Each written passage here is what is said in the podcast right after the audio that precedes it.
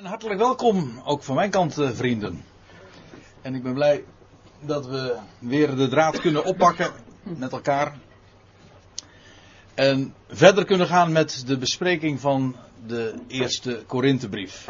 Inmiddels de achtste studie. En we waren gebleven bij hoofdstuk 4, vers 16. Maar zoals gebruikelijk wil ik eerst even, al was het maar om weer ook de hele samenhang goed te begrijpen lezen wat we de vorige keer hebben gelezen en besproken. Dat was vanaf hoofdstuk 3, vers 14. En daar schreef Paulus: Indien het werk dat hij erop gebouwd heeft stand houdt, zal hij loon ontvangen. Het gaat hier over de wijze waarop de Ecclesia gebouwd wordt. Met wat voor materiaal gebeurt dat? En dan staat erbij: uh, Maar indien iemands werk verbrandt, met hout, hooi en stro, dan zal hij schade lijden, doch hij zelf zal gered worden, maar als door vuur heen. Weet gij niet dat gij Gods tempel zijt en dat de geest Gods in u woont? Zo iemand Gods tempel schendt, God zal hem schenden. Want de tempel Gods, en dat zijt gij, is heilig. Laat niemand zichzelf misleiden, indien iemand onder u meent wijs te zijn in deze tijd, hij wordt dwaas, om wijs te worden. Want de wijsheid van deze wereld is dwaasheid voor God. Want er staat geschreven, die de wijze vangt in hun sluwheid. En elders, de Heere weet dat de overleggingen van de wijze vruchteloos zijn. Daarom, niemand beroemen zich op mensen, alles is immers het uwe. Het zij Paulus, Apollos of Kevas, het zij wereld, leven of dood, het zij heden of toekomst, het is alles het uwe. Doch gij zijt van Christus en Christus is van God. Zo moet men ons beschouwen als dienaren van Christus, aan wie het beheer van de geheimenissen van God is toevertrouwd. Voor zulke beheerders is dit tenslotte het vereiste: betrouwbaar te blijken. Nu raakt het mij zeer weinig of ik al door e- u of door enig menselijk gericht beoordeeld word. Ja, ook mijzelf beoordeel ik niet. Want ik ben mij van niets bewust, maar daardoor ben ik niet gerechtvaardigd. Hij die mij beoordeelt is de Heer. Daarom velt geen oordeel voor de tijd dat de Heer komt, die ook hetgeen in de duisternis verborgen is aan het licht zal brengen en de raadslagen der harten openbaar maken. En dan zal elk zijn lof geworden van God. Zijn applaus krijgen van God. Dat is wat er letterlijk staat. En zover waren we gebleven de vorige keer. En dat was eigenlijk wel een mooie afsluiting bij dit vers, omdat we dan ook feitelijk weer met een hele nieuwe pericoop aanvangen vanaf vers 6. Als je de NBG-vertaling tenminste hebt, dan begint daar weer een nieuw gedeelte. En het is eigenlijk mijn ideaal om nu uh, te komen tot het einde van hoofdstuk 4 vanavond. Zodat we de volgende keer dan in één avond dat hoofdstuk 5, de zogenaamde tucht in de gemeente, eens kunnen bespreken. Ja, dat, uh, daar heb ik nu al zin in om daar eens een keer uh, wat nader op in te gaan. Maar dat uh, wacht een andere keer. Dus de volgende keer. Moeten we dat folderen beginnen? oh, dat zou misschien wel een goed idee zijn, ja. Ja. Nou, ik, ik, ik brand eigenlijk om daar inderdaad wat over te vertellen. Want ik heb er al wat aardig wat voorstudie inmiddels naar gedaan. Maar zover zijn we nog niet. We waren dus hier gebleven. En dan gaat het erover dat, dat Paulus zegt van ja, er is er maar één die mij beoordeelt. En ik zelf, mijn eigen oordeel, uh, stelt ook helemaal niets voor. Want je kunt, zo zegt hij dat in vers 4, hè, ik ben me van niks bewust, maar daardoor ben ik niet gerechtvaardigd. Nee, want hij was ooit, voordat hij geroepen werd, uh, dacht hij een gode welgevallige dienst te bewijzen door de Ecclesia te, te vervolgen. En totdat hij in het licht van Christus kwam te staan en toen bleek dat het allemaal dus volstrekt, dat hij ernaast zat. Dus het loutere feit dat je jezelf goed beoordeelt of dat je van iets wel of niet bewust bent, dat zegt niks. Het is de Heer die daar uh, zijn weg gaat en ook aan hem is er dat oordeel. Velt geen oordeel voor de tijd dat de Heer komt. Elk oordeel daarvoor is eigenlijk dus een vooroordeel. En dan ook nog dit, want daar heb ik, dat heb ik geloof ik nog niet aangegeven. Er staat ook dat hij straks alles aan het licht zal brengen. Kijk, dit borduurt nog steeds voort op wat hij in het voorgaande hoofdstuk al had verteld over, dat, over de Bema en over uh, het, het materiaal waarmee de Ecclesia gebouwd wordt. Is dat met goddelijk materiaal, zijn woord, of is dat met mensenwoord? Hout, hooi en stro. Nou, dat zal straks allemaal blijken. Eigenlijk wat er straks zal blijken bij de Bema is wat is zijn werk in ons leven, individueel, maar ook als ecclesia, als collectief uh, geweest. Het is dus niet zo, zoals ik van de week nog een vraag daarover kreeg, van of de Heer uh, weer alles uit ons leven gaat oprakelen. Het is juist helemaal niet zo. Hij, niet ons leven rakelt hij weer op. De vraag zal juist dan blijken, wat is zijn werk nu in ons leven geweest? En dat zal aan het licht komen. En alles wat van onszelf is, dat zal als hout, hooi en stro in vlammen opgaan. Dat, is, dat blijkt dus van geen enkele betekenis te zijn. Alleen zijn werk, dat zal blijven bestaan. En dat zal ook zijn applaus verdienen. En dus, het is alles zijn werk. En dat zal allemaal aan het licht komen. En daarbij ook niet alleen maar dat wat er gedaan is, maar ook de, zoals hier staat, de raadslagen der harten. Dat wil zeggen, letterlijk staat er de intenties, de bedoelingen van het hart. Want ook dat is iets wat wij al helemaal niet van onszelf en ook van een ander niet kunnen beoordelen. Maar dat zal dan allemaal blijken. Wat van hem was. Goed. Ik stel voor dat we dan uh, maar met dat zesde vers beginnen. Dit broeders, en dit is min of meer samenvattend. Dit broeders heb ik op mijzelf en, Apostel, en Apollos overgebracht om uwentwil. In de andere vertalingen niet in de Telos, maar ik blijf er even vanaf welke dat was. Die zegt van eh, ik heb het op uh, mijzelf ook van toepassing gebracht. Dat wat hij tot dusver in het voorgaande heeft betoogd. Dat hij zegt ik heb dat verteld met het oog op mijzelf en op Apollos. Die, Paulus was daar, was daar degene die uh, het evangelie gebracht had. Apollos heeft later daar onderwijs gegeven. Hij zegt waarom? Nou, opdat gij uit ons voorbeeld zoudt leren. Dit is dus het oogmerk, let op, dit is het oogmerk van waarom hij dat alles had ge gezegd. Dus dit is een, een hele belangrijke statement in vers 6. Hij heeft dit alles zo naar voren gebracht met het oog op hen, om uwentwil, opdat gij uit ons voorbeeld zoudt leren, of dat gij in ons zou leren, zo staat het er letterlijk. En nou komt het, niet te gaan boven hetgeen geschreven staat. Dat is de essentie. Wat Paulus bracht was wat er staat geschreven. Dat was in die dagen trouwens, behalve de brieven die hij zelf had opgetekend en wat uh, geschriften die nog uh, toen in die dagen niet verzameld waren. Dat zou pas aan het einde van Paulus' leven het geval uh, zijn. Ik bedoel dat het Nieuwe Testament gebundeld werd. Maar hij doelt hier daar, speciaal ook op de, de Tenach, de Hebreeuwse Bijbel. Wat Paulus bracht, en als hij onderwijs gaf, deed hij dat aan de hand van het Oude Testament, wat wij dan het Oude Testament noemen, de Hebreeuwse Bijbel. Maar wat er staat geschreven, de, de geïnspireerde geschriften. En waar het om gaat, is dat hij zegt, dat is wat ik vertel en ga daar niet bovenuit. Dat is alles wat telt. Want dat is namelijk zijn woord. Dat is God geademd, dat is levend, dat is krachtig, dat is scherp. En al het andere, ja, dan moeten we, komen we toch weer op dat materiaal uit. Dat is hout, hooi en stro.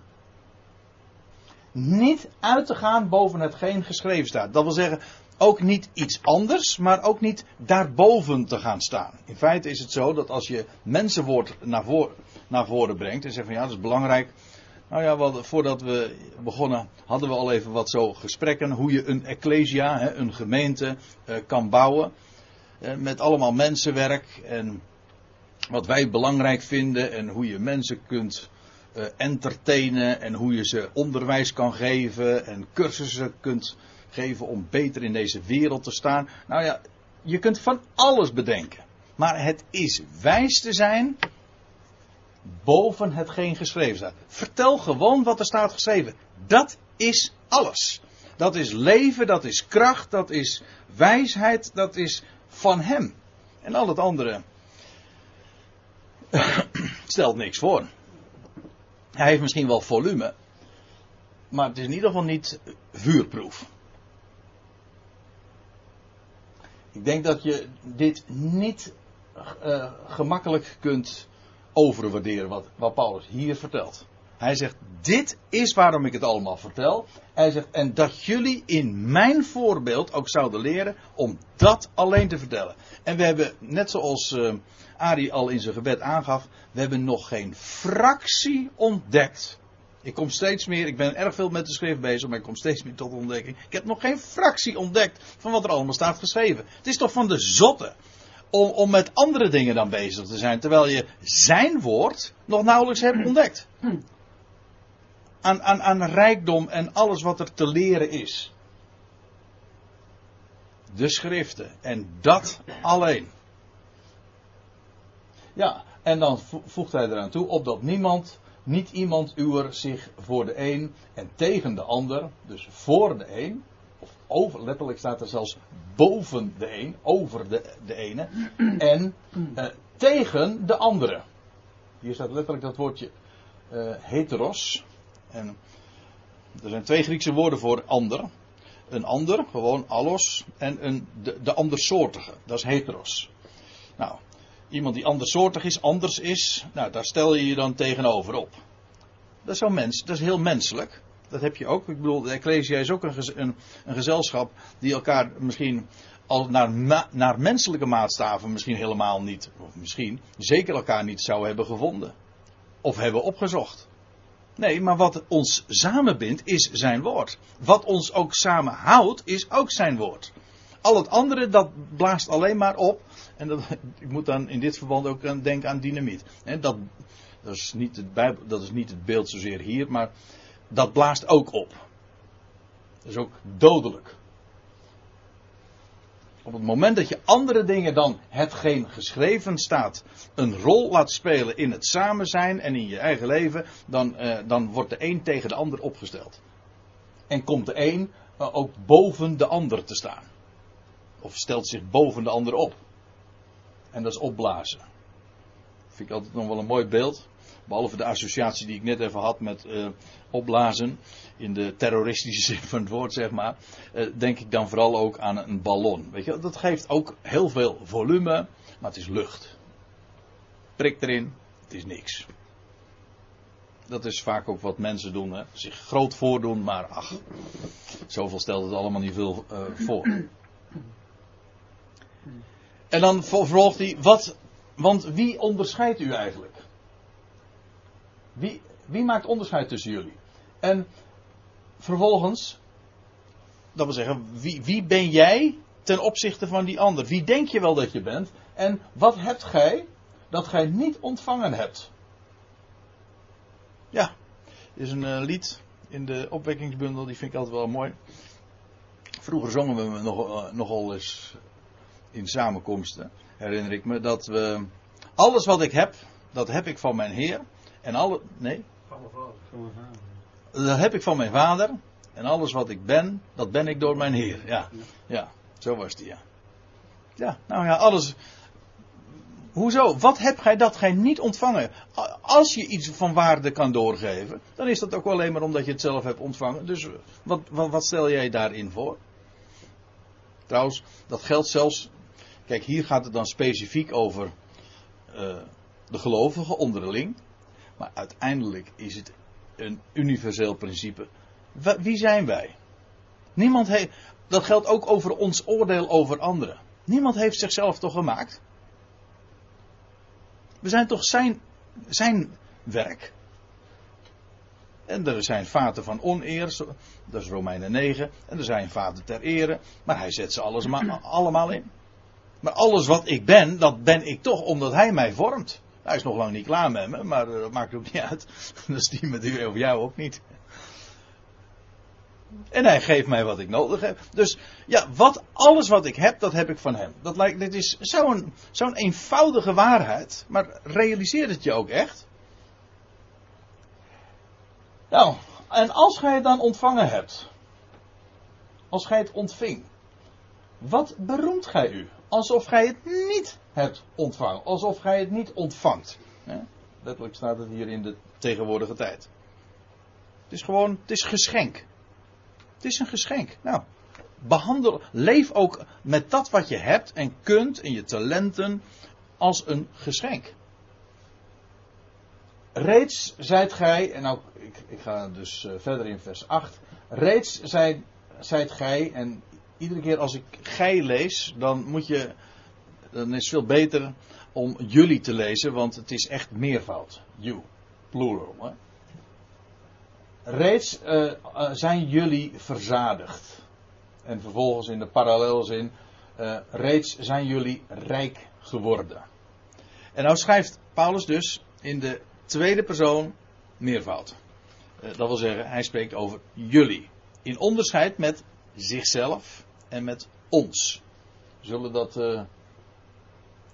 later ook in dit vers zien. Ja, uh, wij spreekt hij. Hij spreekt over wij en over jullie. Jullie Corinthiërs. We laten ons niet hinderen door het technisch oponthoud. Nou ja, dat hebben we wel gedaan. Maar goed, we kunnen toch weer verder gaan. We waren gebleven uh, bij dit achtste vers. En ik herinner me dat het laatste wat ik erover zei is dat Paulus hier dus de Corinthiërs als geheel aan, aanspreekt. En een tegenstelling maakt, een contrast schildert tussen hun positie en die van hem. Uh, lees maar eens uh, met me mee. Hij zegt, reeds zijn jullie verzadigd, reeds zijn jullie rijk geworden. Met andere woorden, jullie zijn al uh, helemaal gezetteld in deze wereld. Jullie hebben het rijk en jullie zijn uh, verzadigd. Jullie hebben aan geen ding gebrek. Als ik het zo zeg, moet ik haast denken aan wat, uh, wat je leest over de Ecclesia in, van Laodicea. Die zeggen van we zijn rijk en we hebben aan geen ding gebrek. En zo spreekt Paulus dus die Corinthiërs aan als iemand, als, als een gezelschap die het in deze wereld al helemaal gemaakt had en zich uh, een positie uh, eigen maakte in, in, in deze aion. Jullie zijn al verzadigd, jullie zijn al rijk geworden. Er zit ook wat ironie in. En dan zegt hij erbij: zonder ons hebben jullie ons, zonder apart van ons, regeren jullie als koningen. Als je dat ook heel letterlijk neemt, is dat zij dus ook gewoon politieke ambities hadden. Dat ze daar niet alleen maar het in, in, in, in Korinthe zich aangenaam wilden maken en rijk en gezetteld wilden zijn, maar het ook voor het zeggen wilden hebben en dus als, als een koning wilden heersen in, in deze wereld. Zonder ons hebben jullie uh, je, jezelf koning gemaakt. Het kan zijn dat Paulus ook wat het overdrachtelijk gebruikt. Zou je uit deze woorden nog kunnen afleiden. Maar lees nou eens met me mee in het rest van het achtste vers. Dan zegt hij: Ja, was het maar zo dat jullie koningen, dat gij koning geworden waart. Of letterlijk dat jullie koningen waren. En als koningen konden heersen. Want dan waren wij ook met jullie koning geworden. En hier doelt hij dus op de positie die we straks zullen hebben. Hij zegt, wij, hij zegt trouwens in uh, hoofdstuk 6, hij zegt, weten jullie dan niet dat wij de wereld zullen oordelen? Wij zullen straks met Christus gemanifesteerd worden en dan zullen we inderdaad gesteld worden over deze wereld en over, over de hele schepping, zoals de hele schepping is aan zijn voeten onderworpen. En wij delen in zijn positie. Nou, Paulus zegt, als jullie inderdaad was het maar zo dat jullie koningen waren? Hij zegt, want dan waren wij het ook, met, dan waren wij, apostelen, het ook met jullie. Want wij, als Christus zal verschijnen, dan, dan zal zijn lichaam, de Ecclesia, daar in die heerlijkheid straks delen. Dus dan zullen we allemaal eh, een, de positie van koningen hebben. Gesteld over het gans heelal, hemel en aarde. Hij zegt, was het dus maar zo. Jullie maken het je zo aangenaam. Jullie denken nu al te kunnen regeren. En ik, ja, ik kan het niet helpen. Maar dat wat Paulus hier tegen de Corinthiërs zegt, dat is in de loop van de geschiedenis zo, uh, zo sterk nog weer uitvergroot. Van die Corinthiërs mogen we aannemen dat, dat een enkeling uh, ja, zich de, de positie van, uh, van een koning wilde aanmatigen en wilde regeren in deze wereld. Maar hoe is het gegaan in de loop van de kerkgeschiedenis? Ze wilden macht hebben. De kerk wilde macht hebben, maar uh, dat geldt ook voor, voor christenen. En hoeveel uh, christelijke politiek is er niet? In wezen, dat wat, wat het Paulus hier zegt, zonder ons hebben jullie je koning gemaakt. Of zonder, nou letterlijk staat er, zonder ons regeren jullie al. Daarmee geeft hij dus inderdaad aan dat zij de ambitie hadden om in deze wereld al gezien te zijn. En niet alleen gezien, maar ook te heersen. Nou, dat is wat christelijke politiek precies bedoelt. En hier vind je, feitelijk waren zij bezig met christelijke politiek. En dat zal in een heel prematuur stadium toen nog geweest zijn. Maar die aanzetten waren. Ze wilden intel zijn in deze wereld.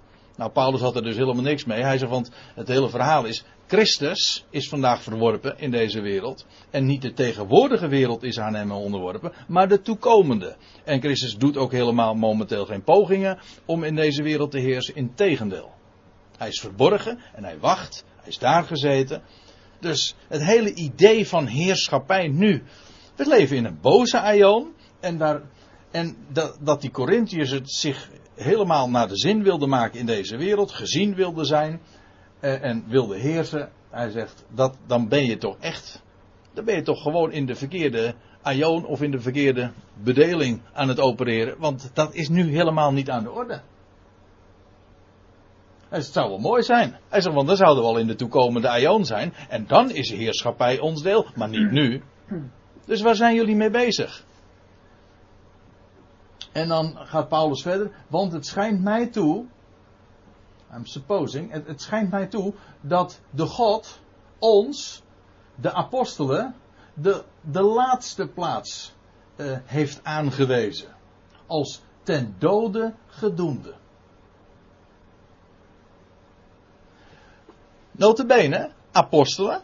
Paulus sluit zichzelf uiteraard uh, daarbij in. Hij is, hij is zelf de allerlaatste apostel, zo noemt hij zich in 1 Korinthe 15. Maar hij zegt, wij, wij als apostelen, wij zijn weliswaar door God als uitgekozen om de Ecclesia te bouwen. Hij zegt, maar wat blijkt? Hij zegt, wij nemen in de wereld een, uh, de, de laatste plaats in. Niet vooraan staan, maar achter, helemaal achterin. En daarmee niet alleen de laatste, maar ook de laagste plaats als ten dode gedoemde. Nou, dat is maar geen beeldspraak, want Paulus was ook inderdaad ten dode gedoemd. In de termen van deze wereld. Hij is ook inderdaad de marteldood gestorven. Zoals, dat, uh, zoals we dat ook lezen in zijn laatste brief. Als het moment van, van mijn verscheiden is voor de deur, hij zou geëxecuteerd worden. Net daarvoor, vlak voorafgaand, heeft hij de tweede Timotheusbrief geschreven. Nou ja, en eigenlijk was het al zo dat toen hij gevangen genomen werd daar in Jeruzalem, dat, zou, dat was nog niet toen hij deze brief schreef trouwens, maar toen was hij uh, in feite al ten dode gedoemd.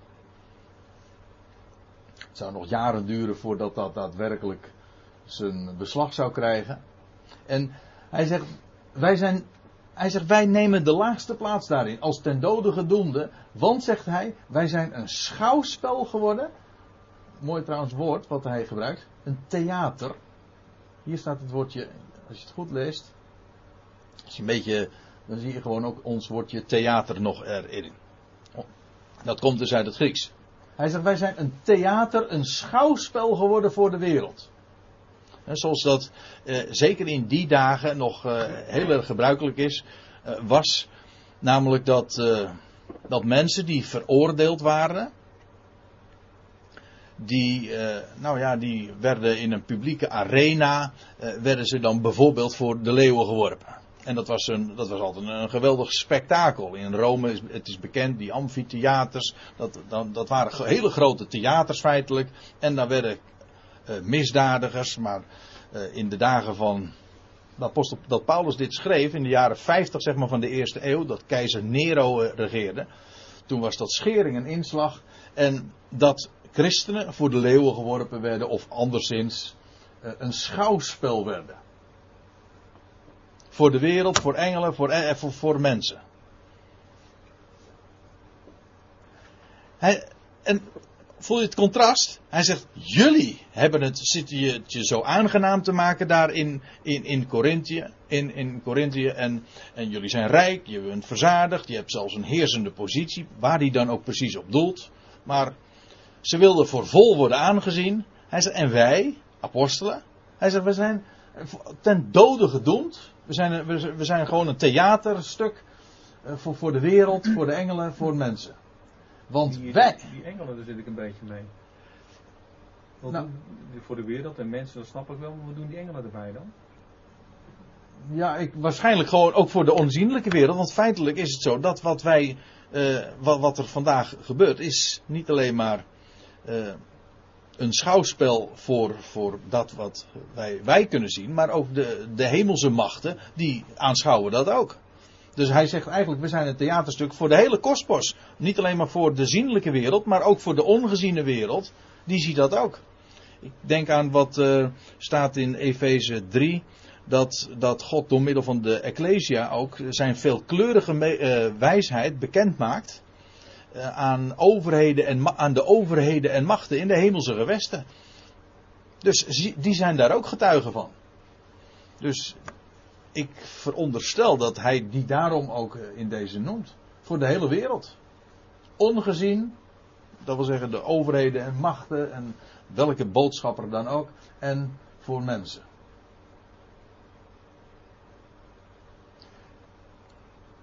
En dan eh, wij, ook, ook de ironie blijft er door in doorklinken, vooral in dit gedeelte. Hij zegt, wij zijn dwaas om Christus wil. Wij zijn niet in tel, we zijn ten dode gedoemd, we, zijn dwaas, maar gij zijt verstandig in Christus. Dat wil zeggen, jullie willen eh, voor vol worden aangezien. En we hebben dat nu eigenlijk al vanaf hoofdstuk 1 al, al gezien, dat zij de wijsheid van deze wereld zo hoog aansloegen. Dat is, dat is, ook daarin is nog steeds niks veranderd. De hele christenheid is daarmee bezig. Intellectueel, eh, christelijke intellectuele ambities. Een hele mond vol, maar in feite eh, is dat zo dat men wil verstandig zijn in deze wereld. Voor verstandig worden aangezien. Waarom, zou, waarom heeft men eh, christelijke filosofie? Heb u ooit wel eens een keer gehoord van de, de, de, het Calvinistische wijsbegeerte van de wetsidee? Waarom had men dat? Waar- waarom wilde men dat? Om eh, tegenover de filosofie van deze wereld zelf ook een filosofie op te bouwen. Een hele denkwereld. En er waren christelijke universiteiten en hogescholen en een christelijke wetenschap. Om toch maar met menselijke redeneringen en me- mensen die academisch gevormd waren, en dokterstitels hadden gekregen. eh, om zich christelijk en intellectueel te manifesteren in de wereld. Het hele idee van Abraham Kuyper in de, in de 19e eeuw om een, om, om, de, om een christelijke universiteit, de VU, op te richten. Dat was juist om zich, om verstandig te zijn in Christus. Om voor verstandig, intellectueel en voor vol te worden aangezien. Hij zegt, jullie, en dat, eh, dat was in de kiem al daar in Korinthe aanwezig. Dat is waar Paulus die Corinthiërs op aanspreekt. Niet alleen op het feit dat ze wilden heersen in de wereld. Hij zegt, hoezo? Het is een boze aion. We zijn vreemdelingen hier. Waarom je hier zettelen? Hij zegt, wij zijn dwazen om Christus wil. Nou, dat was wel duidelijk, want ze werden... En Paulus had daar ook geen moeite mee. Hij kwam met... Ja, en vooral als je er dan nog bij even over nadenkt, dat Paulus toch intellectueel heel wat in zijn mars had. Hij had aan de voeten van Gamaliel gezeten. Hij was dus in het Jodendom was hij intellectueel een reus. En vervolgens, eh, hij was ook buitengewoon op de hoogte. Het was bovendien ook iemand uit Tarsus, dus uit een heidense omgeving. Dus hij was erg goed op de hoogte van de hele wereldse filosofie ook. En hij zegt, Hij zegt het later in de Filipijnse brief. Ik heb het allemaal schade en drek geacht. En Paulus is er niet mee aan de haal gegaan. Integendeel, hij zegt ik ben niet met de wijsheid van de wereld gekomen. Hij zegt ik ben met een dwaze boodschap. Dat wil zeggen, in de ogen van de wereld. En dat heeft hij verteld. En als hij dan in, eh, in Athene komt, nou dat is toch wel de stad bij uitstek die bekend staat om zijn wijsheid. Dat lag niet ver van, Athe- van trouwens, maar een paar kilometer. En, en wat vertelt hij daar? Hij vertelt daar de boodschap van de ene God. En de boodschap van Christus die opgestaan is uit de doden. En op het moment dat hij dat doet, toen zei ze, nou, we horen je nog wel een keertje. Dat is geen interesse, want dat, dat, dan, ben je, als je, dan ben je, op het moment dat je daarmee aankomt, ben je gewoon intellectueel gezien, of academisch, of hoe je het maar formuleren wil, ben je gewoon, je afgeserveerd. Ben je niet in tel. En zij wilden wel graag in tel zijn. Hoezo, zegt Paulus? Wij zijn zwak. Dat wil zeggen, wij worden als zwak aangemerkt. Doordat we niet, helemaal niet in aanzien zijn. Maar gij zijt sterk. Blijkt ook wel, die tweede regel is eigenlijk een uitleg van de eerste. Hè? Wij zijn zwak, maar gij zijt sterk. Wat bedoelt hij? Nou, gij zijt in aanzien, gerespecteerd in ere. Daar waren ze, eh, dat was voor hen heel belangrijk. Ik vind het zo mooi dat Paulus daar in zo'n brief zulke dingen aangeeft. En terwijl je dan ziet hoe dat in de, in de hele christelijke wereld sindsdien, maar ook nog steeds, zo belangrijk allemaal is. Om in tel te zijn in de wereld. En Paulus veegt er eigenlijk gewoon de vloer mee aan. Hij zegt, hoe, hoe haal je het in je hoofd? Jullie zijn in aanzien, wij zijn, wij zijn niet in ere. Dat is wel duidelijk. Hij legt dat ook uit in uh, vers 11. Hij zegt, tot op dit ogenblik verduren wij honger. Moet je niet onder verstaan dat hij echt uh, dodelijke honger had. Maar dat hij altijd maar, uh, hij zegt dat ook in de Filipijnse brief, zeer dikwijls in gebreken. Maar hij had met alles genoegen leren nemen. Misschien is het goed om dat eventjes te, even op te slaan. Ik heb het niet in de projectie. Maar in Filippenzen 3. Nee, in Filippenzen 4 is dat. Dan zegt hij in vers 11: Niet dat ik dit zeg, al zou ik gebrek lijden, want ik heb geleerd met de omstandigheden waarin ik verkeer genoegen te nemen.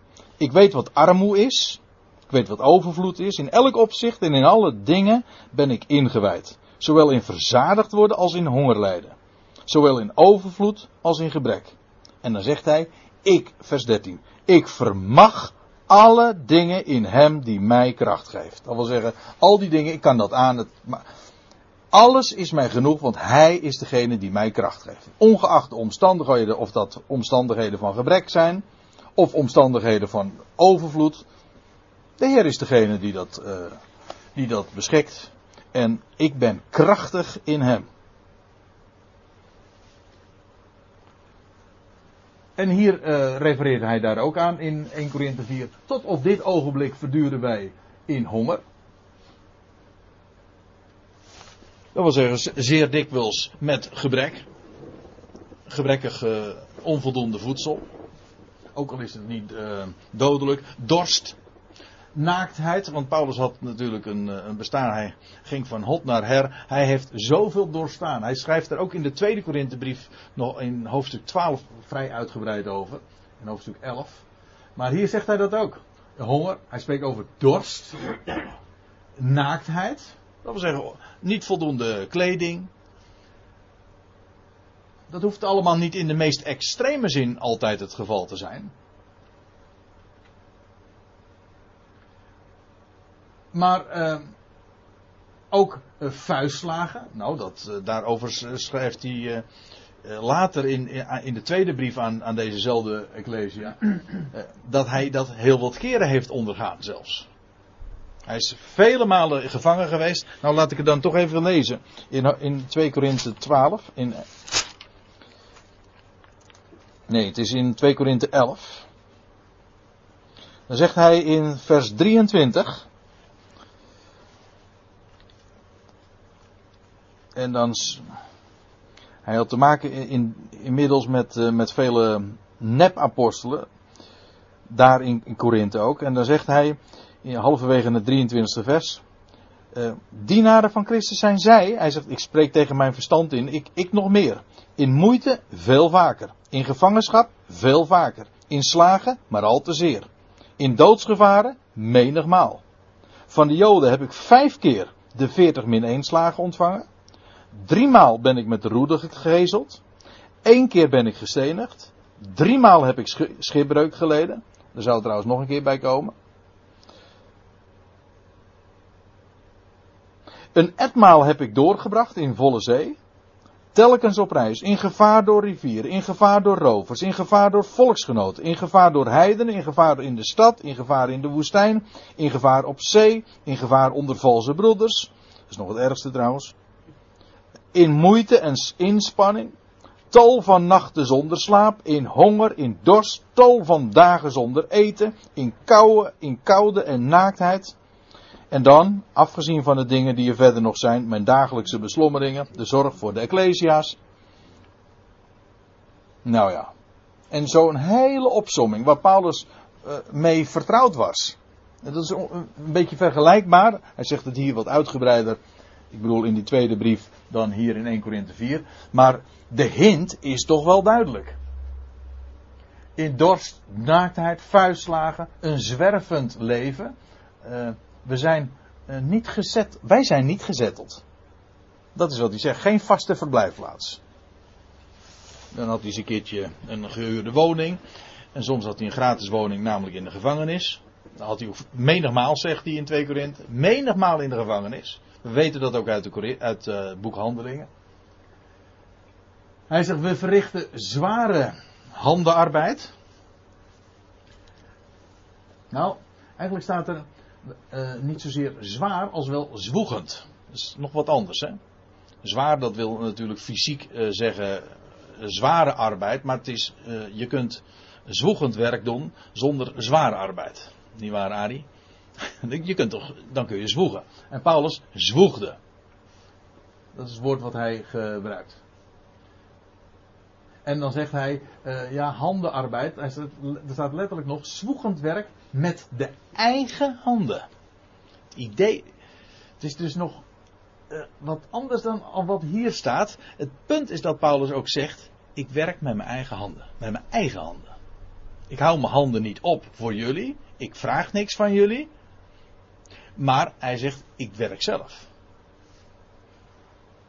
Waarom die trouwens door velen, ook in Korinthe, dat lezen we elders dan weer, werd eh, versmaad omdat hij, ja, dan, daarmee gaf hij eigenlijk aan dat hij eh, geen eh, gebrek aan allure had, dat hij, voor, dat hij zelf werkte.